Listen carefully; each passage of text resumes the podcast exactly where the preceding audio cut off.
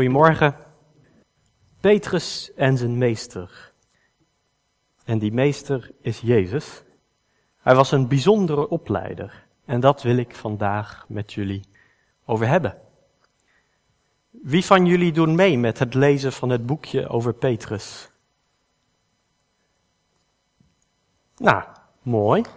Wie van jullie heeft ook een beetje gekeken naar dag 4, 5 en 6? Of moet dat nog komen? Jullie behandelen dat dinsdag? Of is dan al de volgende? Nee, dat behandelen jullie dus dinsdag. Oké.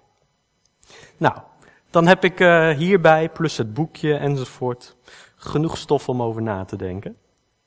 En sowieso, ik, uh, ik heb het boekje een beetje gelezen, in ieder geval de eerste. Ik ben ook bij dag 6. En uh, het is mooi om te kijken hoe wat we kunnen leren van Petrus. En door de bril van Petrus te kijken naar, naar zaken, te kijken naar hoe Jezus hier op aarde was. En een van de dingen dus waar ik vandaag bij stil wil staan is over de manier van opleiden van Jezus. En ik begin met een gelijkenis van vissers. Jullie hebben die wellicht wel al eens gehoord, maar ik wil hem graag vertellen voor degenen die hem nog niet eerder gehoord hebben of even weer opfrissen voor degenen die hem al een tijdje geleden gehoord hebben. Er was eens een groep vissers. Dit waren de beste vissers die er bestaan. Hun, ze woonden in een stad en ze lagen aan een meer met echt de allergrootste vissen. Echt hele lekkere, goede vissen waren in dat meer. Dus die stad zat vol vissers. De beste die je maar kunt bedenken. Want ze hadden op een gegeven moment bemerkt, ja, ze hadden van iemand gehoord dat ze visser moesten worden, dat dat hun roeping was. Dat van hun gevraagd werd, van hun specifiek gevraagd werd om visser te worden. Dus wat gingen ze doen? Ze gingen kijken naar wat voor soort vissen zijn er in dat meer. En ze gingen allerlei onderzoek doen over die vissen. Oh, dat zijn karpers. Nou, weet je wat? We gaan alle boeken over karpers gaan we verzamelen en bestuderen. Dus ze gingen alle boeken over karpers, gingen ze googlen en Wikipediaën en uh, Amazonen en ze haalden het allemaal naar die stad toe. Ik denk niet dat er ergens nog een exemplaar niet van was over die karpers. En ze wisten het. En toen dachten ze, nou, stel je voor dat we ook eens een keertje gaan vissen ergens anders. Dan moeten we ook wel kennis hebben van die andere vissen. Dus ze gingen studeren wat voor andere vissen zijn er. En ze gingen bedenken, of ja, ze, ze leerden alle, alle technieken over hoe je zo'n soort vis moet vangen. Dus ze wisten, oh ja, als ik een baars wil vangen, dan heb ik zo'n soort net nodig. Of zo'n soort vishengel. Als ik toevallig geen net bij me heb, dan heb ik die vishengel nodig. Dus dat leerden ze allemaal. En ze bedachten, nou, weet je wat? Volgens mij kan dit beter. Volgens mij moeten we niet met een net gaan werken. Volgens mij moeten we niet met een hengel gaan werken. Nee, we gaan een soort fuik maken. En dan, die is dan heel groot. En dan hebben we een soort speer. En dan zorgen we dat die vis zo weinig plek heeft dat we hem wel met die speer kunnen raken. Dus ze bedachten allemaal nieuwe technieken om te vissen. En dit waren echt de beste vissers die er maar waren. En ze hadden enorme diploma's. De hele wand hing vol en hun clubhuizen hingen vol met allemaal diploma's. En ze bedachten, nou, volgens mij moeten we ook gaan marketen over onze geweldige hobby. Nou, het is geen hobby, over onze, over wat wij kunnen. Dus volgens mij moeten we ook allerlei marketeers uitnodigen. En die gaan ons uitleggen hoe we beter onze passie aan anderen kunnen vertellen. Dus ze haalden er ook marketeers bij en dat werden de expert marketeers op het gebied van vissen. Maar op een gegeven moment was er ook Jan. Jan woonde ook in die stad. En hij was wel eens ook naar zo'n cursus geweest. Maar hij had ook een keertje gedacht, weet je wat, ik ga eens vissen. Dus hij pakte zo'n hengel. Hij wist precies welke hengel dat was. En hij wist precies welke worm hij moest hebben voor zijn snoek en voor zijn baars en voor zijn uh, karper, had ik net gezegd. En hij ging dus vissen. En hij zat daar een tijdje en yes, beet! Dus hij kreeg zo zijn, zijn, zijn, zijn vis. Hij had een vis gevangen. En hij ging met die vis ging hij naar het clubhuis en hij liet het zien. Kijk eens wat een kanjer. Kijk eens, ik heb een karper. En de jongens die zeiden, oh, Geweldig, hij heeft een karper. Hij heeft een karper. Nou, weet je wat? We gaan die karper gaan we mooi inlijsten. Je ziet dat wel eens op zo, in zo'n film, hè, met, dan heb je zo'n prachtige karper ingelijst. En die kerel die werd gekroond en gehuldigd. En hij mocht voortaan, eh, bij alle eh, bijeenkomsten, mocht hij wel een keertje spreken. En hij mocht ook naar het buitenland om te spreken over vissen. En hij moest natuurlijk voorzitter worden van beraad vissen zo en commissie dit en zo. En volgens mij zat hij in uh, Team Zending en in, uh, nou, of uh, missionair binnenland, missionair buitenland. Hij mocht echt in al die commissies en in al die clubvergaderingen mocht hij zitten.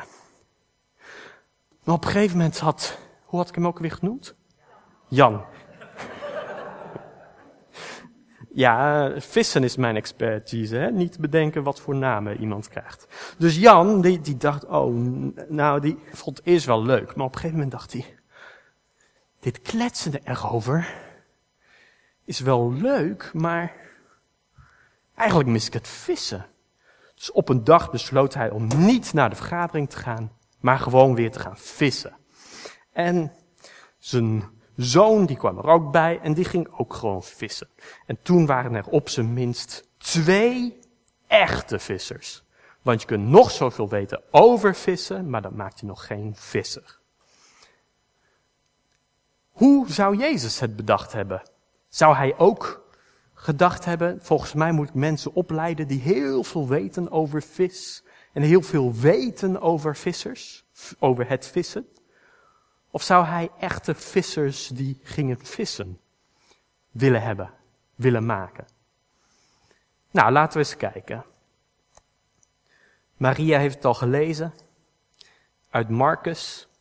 Daar staat, en Jezus zei tegen hen, en dan hebben we het over Simon Petrus en over Andreas, kom achter mij en ik zal maken dat u vissers van mensen wordt. Dus Jezus die wou vissers maken, vissers van mensen. En hoe hij dat doet, nou, dat zullen we dus zien. Wat voor eigenaardigheden daar ook uh, bij zitten van hoe hij opleidt. Laten we eens kijken naar zijn selectiecriteria. Eigenlijk heb ik al verklapt, hij ging namelijk naar Simon en Andreas toe en dat waren echte vissers. Maar stel nou dat we het, het idee van vissen en zo, want dat is ook maar een metafoor, stel dat we die even apart houden, aan de kant zetten. Jezus die zoekt volgelingen, die zoekt mensen om zijn goede boodschap te verkondigen, om die te verspreiden, om, zo, om te zorgen dat andere mensen en ook wij 2000 jaar later nog van hem zouden weten. Wat voor mensen kies je dan? Je zou kunnen denken dat hij gedacht zou hebben, weet je wat? Er waren eens een paar wijzen en die wisten mij te vinden. Die hadden zo goed, ja, ook al waren ze misschien wel cult bezig, maar die wisten uiteindelijk wel dat ik de koning was en dat ze mij moesten zoeken. Misschien moet ik een trucje verzinnen dat zij weer terugkomen. Dat die verschillende wijzen, of er nou drie of vier of tien of twintig waren, maar dat die wijze mensen, dat die weer gewoon bij mij komen. En, eh, want ze waren tenslotte ook bij mijn geboorte, dus goede oude bekenden. En dat ik hun eens opleid om, om over mij te vertellen. Maar nee, dat deed Jezus niet. Hij zocht niet de wijze mensen op. Zijn keus viel bij een stelletje vissers. Een stelletje vissers, want nadat hij Petrus en Andreas had gekozen, ik dacht misschien doet hij aan inclusiviteit, dus hij kiest van alles een beetje. Maar nee, hij kiest er nog een paar vissers bij. Hij pakte namelijk ook Johannes bij en Jacobus.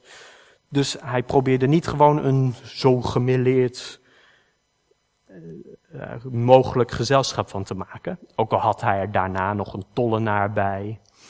En uh, ja, nog wat andere mensen die je niet echt verwacht in, in, bij een grote meester als Jezus.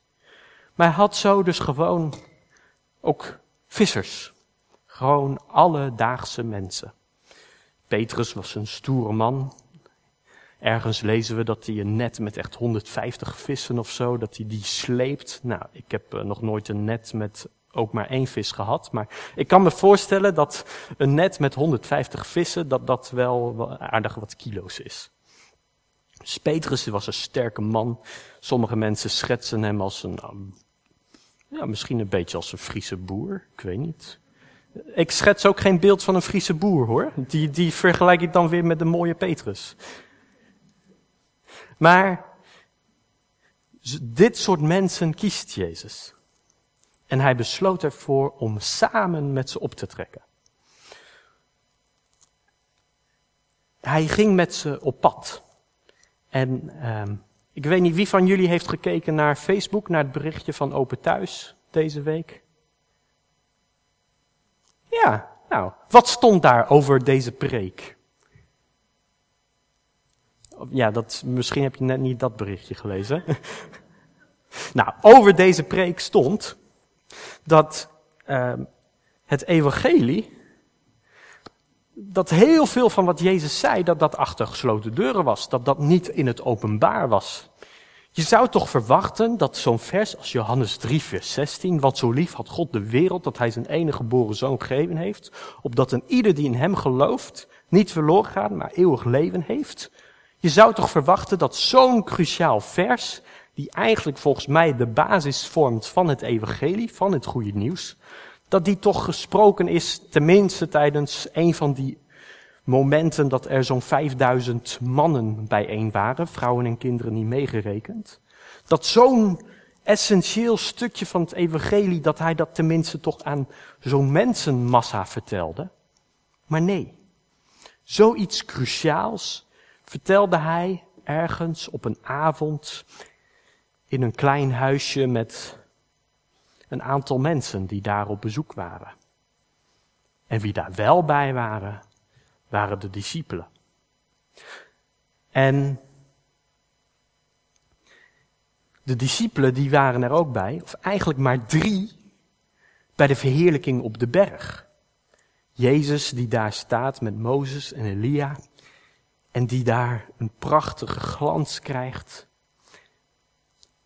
Maar dat deed hij niet voor een mensenmassa, nee, daar waren alleen Petrus en ik vermoed, of weet zeker Johannes. En die derde ben ik even vergeten, sorry. Maar het waren er maar drie. En hij zegt niet eens tegen ze, nou vergeet, ik, ik had niet getimed dat dit was, zou zijn wanneer de andere twaalf er niet bij waren. Dus vergeet niet de andere negen te vertellen dat dit gebeurd is. Hè? Dat zij ook tenminste weten dat dit gebeurd is, dat ik echt uh, er als een engel uitzag, echt een prachtige glans had, verheven was. Vergeet niet dat de anderen het vertellen. Nee, dat zegt Jezus niet. Hij zegt, zorg ervoor dat de anderen hier niet achterkomen. Vertel het ze niet. Hou dit geheim. Sst, mondje dicht. Jezus doet ook allerlei wonderen in het bijzijn van de discipelen. En in bijzijn natuurlijk van degene die, eh, als hij iemand genas, van degene die genas. Maar hij zei tegen hun, dit niet aan iemand dat ik dit gedaan heb. Hij vraagt ze, wie ben ik volgens jullie? En ze zeggen, de Messias. En dan zegt hij, nou, heel goed dat jullie dit weten, maar mondje dicht, vertel dit aan niemand. Oftewel, hij krijgt een groepje mensen bij elkaar. En die leert hij van alles en nog wat, maar mondje dicht. En zijn bedoeling is om Gods koninkrijk op aarde te vestigen. Maar wat doet hij met zijn leerlingen? Hij vertelt ze mondje dicht. Nou, ik vind het maar bijzonder. En dan nog wat. Dan vertelt hij af en toe ook dingen in het openbaar. En dan vertelt hij gelijkenissen. En heel veel van jullie weten dat wanneer er over gelijkenissen gesproken worden, dat men zegt, Jezus was een goede communicator. Hij vertelde gelijkenissen, want dat sprak mensen aan. Mensen, dat bleef in, in de hoofd hangen. Bijvoorbeeld zo'n verhaal over een visser, of over een verloren muntje, of over een uh, verloren schaapje. Dat zijn dingen uit die tijd. Mensen snapten dat. Dat waren beelden die bleven kleven. Ja, het waren beelden die bleven kleven. Maar hier staat, de discipelen kwamen naar hem toe en zeiden tegen hem, waarom spreekt u tot hen in gelijkenissen? En hij zegt tegen hun, omdat het u gegeven is de geheimenis van het koninkrijk, de hemelen te kennen, maar aan hen is het niet gegeven. Oftewel, die mensen hoorden wel prachtige verhalen die ze, waar ze uh, als verhaal, ze wisten, oh ja, hij heeft het over een veld. Ja, ik weet wat een akker is. Hij heeft het over een visser. Ja, ik weet wat een visser is. Hij heeft het over een muntje die verloren is. Ja, ik weet hoe het is om een muntje te verliezen en die dan weer te vinden. En waarschijnlijk ga ik dan ook wel een feestje vieren, hoewel ik denk, wat een geldverkwisterij is dat. Maar dat doet er niet toe. Het punt is, ze, ze, ze hoorden die verhalen wel en dat bleef wel bij ze, bij, bij ze zitten. En Jezus gebruikte ook wel eens hele overdreven dingen, zoals een balk in je oog. Nou, wie gaat dat ooit nog vergeten? Dat er een balk in je oog kan zitten. Maar de mensen snapten het niet. Ze snapten niet per se, wat heeft dit nou te maken met Jezus en Gods koninkrijk? En in plaats van dat Jezus zegt, nou, ik heb deze gelijkenis verteld, grote massa, en grote massa, nu ga ik jullie vertellen wat dit dan betekent. Nee, hij zei dan, pst, jongens, kom, kom, kom, kom, pst, kom. Ja, ik wil niet aan anderen het horen. En dan vertelde hij de kleine groep, ja, dit betekent dus dit en dit over het koninkrijk. Zo van zoek en je zult vinden. En dit betekent dat uh, als je dus het evangelie gehoord hebt, dat je dan al bijvoorbeeld een keertje is er een kerel die vindt in een land dat niet van hem was, vindt hij een schat toevallig. Wat hij daar aan het doen was, weet ik niet. Maar hij was dus op een land dat niet van hem was en hij zit daar, is daar bezig. Maar dan vindt hij een schat en dan denkt hij, oh verhip. Maar hij denkt niet, oh niemand weet toch dat ik hier bezig ben, laat ik die schat meenemen. Nee, hij denkt, oh laat ik dat stuk land gaan kopen en dan is die schat van mij. Dus hij neemt dan die, hij koopt het land, verkoopt er alles voor wat hij heeft. Dan in zo'n kinderboekje, dan zie je hem in zijn onderbroek. En dan heeft hij wel vervolgens in zijn onderbroek, heeft hij die schat in zijn hand. En dan is hij dolblij. Dat is in kinderbijbels, hè. En dan is hij dolblij. En dan, eh, maar wat betekent dat? Nou, Jezus legt uit, nou, als je dan eenmaal het evangelie gevonden hebt, gevonden hebt, de rijkdom van God, dan laat je alles achter je. Dan zorg je ervoor dat je dat krijgt en dat je daaruit put. Zoiets betekent het. Lees je Bijbel maar na om te zien wat hij echt zegt. Maar hij heeft dus een bijzondere leerstijl. Hij vertelt in gelijkenissen, zodat de anderen het niet snappen. Daarnaast is een manier om een profetie in vervulling te doen gaan. Van dat hij, dat, mensen, dat hij praatte, maar dat mensen niet begrepen. Dat was ook geprofiteerd over de Messias. Dus zo had hij twee vliegen in één klap. En weten jullie dat Jezus eigenlijk ook een meester vragensteller was? Ik heb een mopje. Waarom beantwoorden robijnen, uh, nee sorry, niet robijnen. Waarom beantwoorden rabbijnen vragen altijd met een vraag? Er was dus een keertje, je hebt dus rabbijnen hè, en die vertellen altijd, nou je zou denken die vertellen altijd verhalen, maar blijkbaar stellen ze eigenlijk altijd vragen. En er was één zo'n leerling van zo'n rabbijn. En die, die vroeg een keertje aan drie rabbijnen. Zo van, hé, hey, rabbijnen, ik heb eigenlijk een vraag. Mij is opgevallen, ik heb jullie nu heel erg bestudeerd. En mij is opgevallen dat jullie altijd vragen met een vraag beantwoorden. Waarom doen jullie dat? En de eerste rabbijn gaf aan, doen we dat? De tweede zei, hoe moeten we anders antwoorden? En de derde zei, en wat vind jij daar nou van? Ook weer een vraag, hè? Maar om jullie, dit, dit mopje, die ga je onthouden. En waarom wil ik dat jullie dit mopje onthouden? Zodat jullie onthouden dat Jezus veel vragen stelde. Hij kreeg, zo heb ik eh, in een boekje, of eigenlijk in het voorwoord van een boekje gelezen, dat Jezus maar liefst 300 vragen stelde. 300, dat zijn er best veel. Op zich, hij heeft ook heel veel gezegd. Maar hij heeft ook 183 vragen gekregen of zoiets. In ieder geval bijna 200 en meer dan 100. Zoveel vragen heeft hij gekregen, blijkbaar. En die, die, die kerel die dat boek heeft geschreven, die wil natuurlijk ook wat verkopen. Maar die geeft aan, hij heeft er maar drie beantwoord. Ik, ik heb het nog niet nagelezen, want dan had ik weer een heel boek moeten lezen. Maar ik geloof hem zo dat hij er maar drie heeft beantwoord. Van de 183 vragen die Jezus kreeg, beantwoordde hij er maar drie. Heel bijzonder eigenlijk. En daar zaten ook hele goede vragen bij van, van Jezus dan, tussen die 300. Eén daarvan is, want wat baat het een mens als hij heel de wereld wint en aan zijn ziel schade leidt? Of wat zal een mens geven als losprijs voor zijn ziel? En dan stelt Jezus zo'n vraag en dan, dan moeten mensen natuurlijk nadenken. Want als je een vraag stelt krijgt, dan ga je even nadenken. Als ik jullie nou de vraag stel, wat baat het een mens als hij heel de wereld wint en aan zijn ziel schade leidt? Dan ga je eventjes nadenken. En dan ben je daarna wel benieuwd, zo van, en wat zou zijn antwoord zijn? Of is het zo'n retorische vraag, dat je eigenlijk aan de zin, aan de vraag al oh, hij bedoelt dus dat het niks uitmaakt als je de hele wereld hebt en schade hebt aan je ziel. Dat bedoelt hij door zo'n vraag. Maar met zo'n meester, met die dus de hele tijd vragen stelt en de hele tijd gelijkenissen vertelt, en gelukkig wel uitlegt voor hem, met zo'n meester heeft Petrus dus te maken. En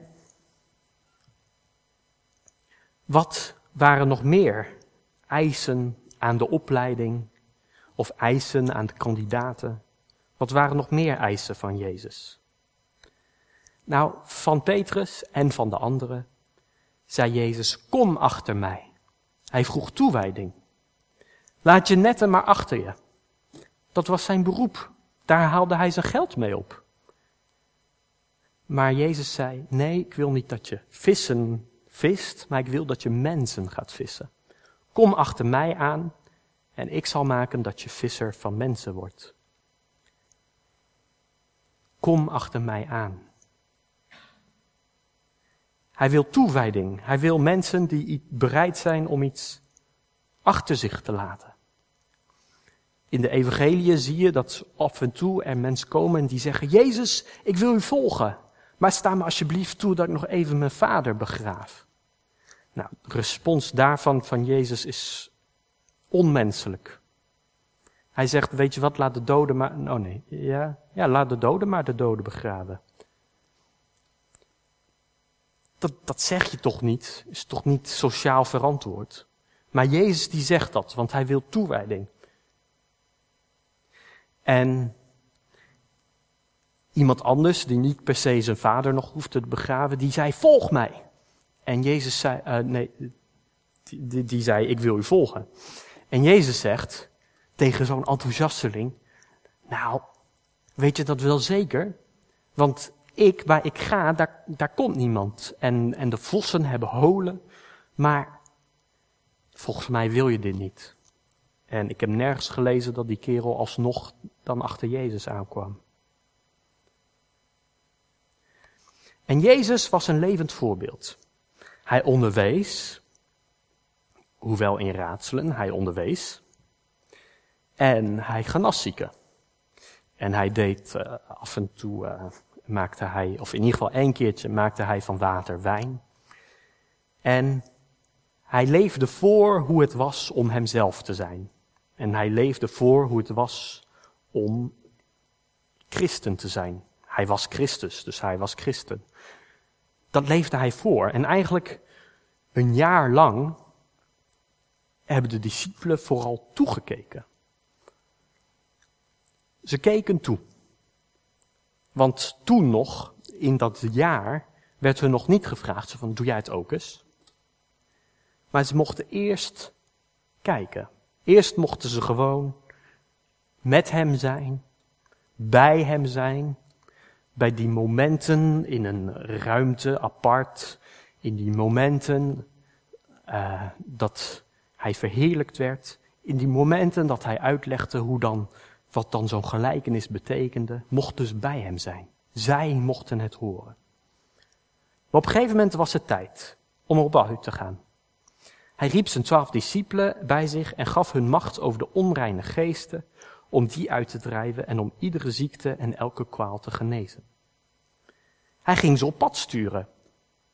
En dan staat er een lijstje van wie erbij waren. En de eerste die genoemd wordt is natuurlijk Petrus. En wat, wat geeft hij mee? Nou, hij geeft ze macht mee. Hij geeft hun de autoriteit om te doen wat hij deed. Uit zichzelf konden de discipelen dat niet. Uit zichzelf kon Petrus dat niet. Petrus was een simpele visser. Petrus was mens. Maar Jezus gaf hem de macht over de onreine geesten om die uit te drijven en om iedere ziekte en kwaal te genezen.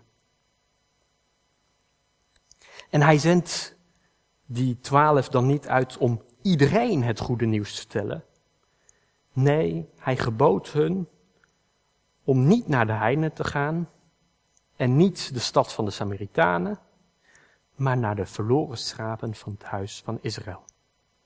Dus hij had uitzonderingen. Daar was het nog niet de tijd voor, voor die anderen.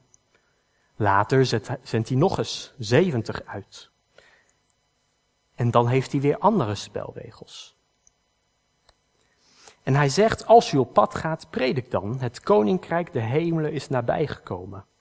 Genees zieken, reinig melaatsen, wek doden op, drijf demonen uit. U hebt het voor niets ontvangen, geef het voor niets. En dus ze gaan op pad en ze doen het ook. Dus we hebben gezien dat Jezus ze eerst onderwijst, vervolgens zendt hij ze uit. Dan komen ze terug en vertellen ze wat er allemaal gebeurd is. En hij bemoedigt ze. En vervolgens, nou, hij sterft, staat op. En vervolgens komt de tijd dat het klaar is voor hem om naar de hemel te gaan. En dan geeft hij aan, jongens, zorg ervoor dat je anderen onderwijst. Al de volken. Hen dopend in de naam van de Vader en de Zoon en van de Heilige Geest. Hun lerend alles wat ik u geboden heb in acht te nemen. De NBV die heeft het over discipelen. Die zegt maak discipelen. Hij zegt niet maak volgelingen. Nee, maak discipelen. Mensen die bereid zijn te blijven leren.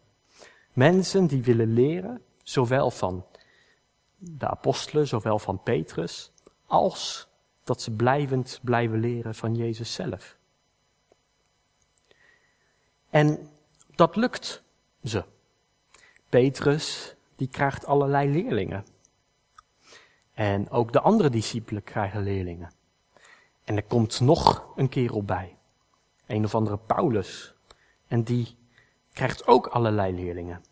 En dan staat er, Paulus die schrijft een brief en die zegt, want mij is over u bekend gemaakt, mijn broeders, door de huisgenoot van Chloe, dat er ruzies onder u zijn. Ik bedoel dit, dat ieder van u zegt, ik ben van Paulus, ik ben van Apollos, ik ben van Kefas, dat is Petrus, en ik ben van Christus. En dan verderop in de brief zegt hij, want als iemand zegt, ik ben van Paulus en een ander, ik van Apollos, bent u dan niet vleeselijk? Wie is Paulus dan en wie is Apollos, anders dan dienaren, door wie u tot geloof gekomen bent? En zoals door de Here, en, zoals, en dat zoals de Heer aan ieder van hen gegeven heeft? Ik heb geplant, Apollos heeft begoten, maar God heeft laten groeien. Dus dan is nog hij die plant iets, nog hij die begiet, maar God die laat groeien. En hij die plant en hij die begiet zijn één, maar ieder zal zijn eigen loon ontvangen overeenkomst zijn eigen inspanning. Want Gods medearbeiders zijn wij, Gods akker en Gods bouwwerk bent u. Oftewel, het doet er niet heel erg toe of je nou leerling bent geweest van Jezus, aan zijn voeten bent geweest, of leerling bent geweest van Petrus, of van Paulus, of van Johannes. Nee, want uiteindelijk zijn we allemaal Gods bouwwerk. En zijn degenen die onderwijzen medearbeiders van God.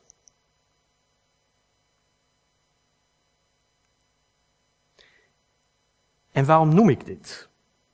Nou, Petrus, dat was dus een visser. Niet echt helemaal geschoold van tevoren. Paulus daarentegen had bij Gamaliel gezeten. Dat was een echte theoloog. Maar het maakt niet uit van wie jij hebt geleerd om Christus te volgen. Je bent net zo goed als degene die het geleerd heeft van de theoloog, van de theologiedocent. Wat Paulus vraagt, elders in een brief aan Timotheus, is let erop dat jij ook weer anderen onderwijst. Dat anderen ook weer van jou leren. En dat is ook wat Jezus wou, hoe Jezus Petrus onderwees. Niet zo van, jij bent één van de velen en ja, we zullen wel zien. Nee, hij onderwees Petrus met een relatie met Petrus, in relatie tot Petrus. En hij mentorde Petrus. En hij verlangde dat Petrus ook op die manier zijn volgelingen zou toerusten. En dat hij zou onderwijzen dat die volgelingen ook weer hun volgelingen op die manier toe zouden rusten. Met persoonlijke aandacht. Eén op één. Zodat als bijvoorbeeld die leraar iets onbegrijpelijks vertelt, misschien wel iets over een balk en dat je wel weet wat een balk is, maar dat je niet snapt wat heeft dit nou te betekenen, dat je dan die persoon kunt vragen en wat betekende dit dan? En dat die persoon tijd voor je heeft en je dat uitlegt. En ik begon met het vers over dat Jezus vissers zou maken. Een visser zou maken van Petrus. Maar is Petrus uiteindelijk een visser geworden? Eigenlijk denk ik telkens bij visser, jongen, wat een, wat een akelige metafoor eigenlijk. We zijn bedoeld om visser te worden. Ik zie dan meestal zo'n visser voor me, die, die zo'n eh, hengel uitwerpt en die dan zo'n visje vangt. En meestal, of tenminste, je hebt twee soorten vissers. Je hebt vissers, die nemen dan zo'n vis en die grillen hem dan en dan heb je een lekker visje. Maar als ik zendeling was, zou ik niet tegen diegene die ik, tegen wie ik zit te preken te vertellen, jij bent mijn vis. Jou ga ik straks grillen en dan heb, heb ik een lekker visje. Dat doe je niet. Maar je hebt ook vissers, die vissen een vis. En dan gooien ze de vis weer terug. Dat zijn vaak hobbyvissers. En wat ik me nou bedenk, bedacht heb, stel nou dat er twee vijvers zijn. Je hebt een, de wereldse vijver en je hebt Gods koninkrijk. Dan mag je een visser zijn die de ene vis uit de grote uh, nee, goddeloze vijver vist. En die dan gooit in Gods vijver. Zo kan ik me een visser wel voorstellen. Dan, dan is het tenminste nog een beetje dat ik denk zo van, ja, je gaat toch niet zo'n vis eten? Wat slaat dit nou weer op met evangeliseren? Maar daarom, Jezus haakte die vissers wel aan de lijn door te zeggen, ik ga jullie vissers van mensen maken. Maar stiekem maakte hij herders van deze lui. En Petrus is uiteindelijk de geweldige herder. En hij spreekt vervolgens in allerlei herderstermen tegen de mensen met wie hij omgaat. Hij zegt helemaal aan het eind van zijn leven, hoed de kudde van God die bij u is en houd daar toezicht op. Niet gedwongen, maar vrijwillig. Niet uit winst, winstbejag, maar bereidwillig. Ook niet als mensen die heerschappij voeren over het erfdeel van de Here, maar als mensen die voorbeelden voor de kudde geworden zijn. En vaak genoeg had Jezus het over zichzelf als herder. Hij zei, ik leg mijn leven af voor de schapen. Hij zei, ik ben de goede herder. In de psalmen noemt Petrus, uh, sorry, noemt David Jezus of God zijn herder. En een herder die, die hoedt schapen, die zorgt er goed voor die bouwt een relatie op met zijn schapen. En ik weet dat jullie vorige week ook dat gesprek gehad hebben tussen Jezus en Petrus. Dat ze daar een visje zitten te eten en dat Jezus Petrus drie keer dezelfde vraag stelt. Zo van, hou je van mij? En dat Petrus antwoordt, ja, uiteindelijk. En Nee, niet uiteindelijk, maar dat doet er niet toe. Je, uh, Petrus antwoordt ja. En dan zegt je, Jezus, hoed mijn schapen, wijd mijn lammeren, hoed mijn schapen. Oftewel, toen de hele trainingsschool voorbij was, zei Jezus niet, nou, nu ben je een geslaagde visser. Nee, toen de trainingsschool voorbij was om visser te worden, zei Jezus, hoed mijn schapen. Denk er eens over na. En tot slot, ik heb dus verteld over dat de discipelen intiem met Jezus waren, dat ze hem volgden, dat het een nauwe relatie was, dat ze naar hem als voorbeeld hadden, dat hij liet zien hoe het moest, dat hij hun niet opzadelde met iets wat hij zelf nog nooit gedaan had, maar dat hij altijd eerst als voorbeeld was. En dat hij elke keer weer een andere aanpak had. Nou, dat laatste, hij had telkens weer een andere aanpak. Dat laatste heeft Petrus begrepen. En dan zegt hij in een van zijn brieven, tegen degene tegen wie hij de brief schrijft, uiteraard, wees altijd bereid tot verantwoording aan ieder die u rekenschap vraagt van de hoop die in u is, met zachtmoedigheid en eerbied. Petrus, die is hier zo'n beetje aan het eind van zijn leven en die wil nog een paar laatste dingen vertellen aan, aan zijn volgelingen, aan nieuwe discipelen van Jezus. Want uiteindelijk, Jezus is niet gestorven. Jezus was wel weg, maar niet gestorven. Dus het waren alsnog discipelen van Jezus. Ook jij nu, hier, bent gewoon discipel van Jezus. Ook al heb je het verhaal misschien gehoord van een ander. Ook al word je, word je onderwijzen door ander, onderwezen door anderen. En Petrus zegt, als mensen, dus mensen in de wereld, hier buiten de kerkmuren, of gewoon degene die nu naast je zit, als die jou vraagt van de hoop die in je is, wees dan bereid tot verantwoording.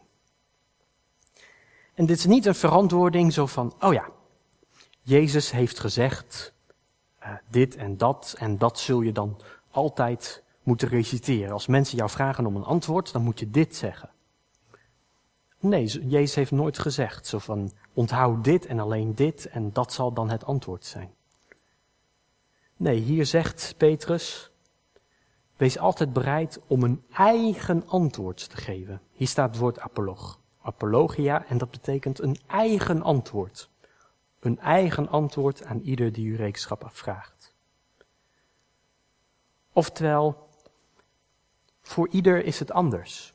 Jij bent anders. De mensen met wie je praat zijn allemaal anders. Ga met ze allemaal anders om. Maar heb wel een relatie met ze. Wees een goed voorbeeld voor ze. Leef jouw leven als voorbeeld. Wees een levend voorbeeld.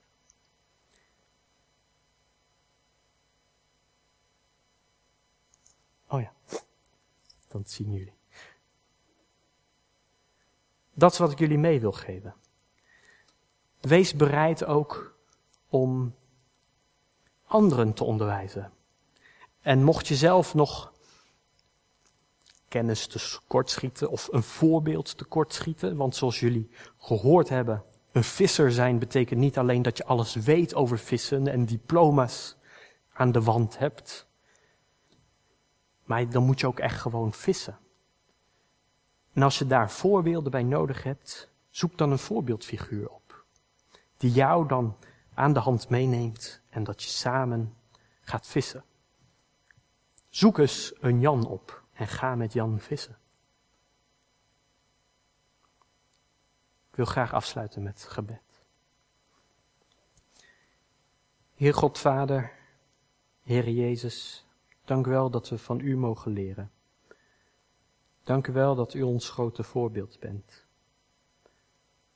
Heer, u sprak met gelijkenissen op aarde, maar u legde uiteindelijk wel uit wat het betekende aan degenen die erom vroegen.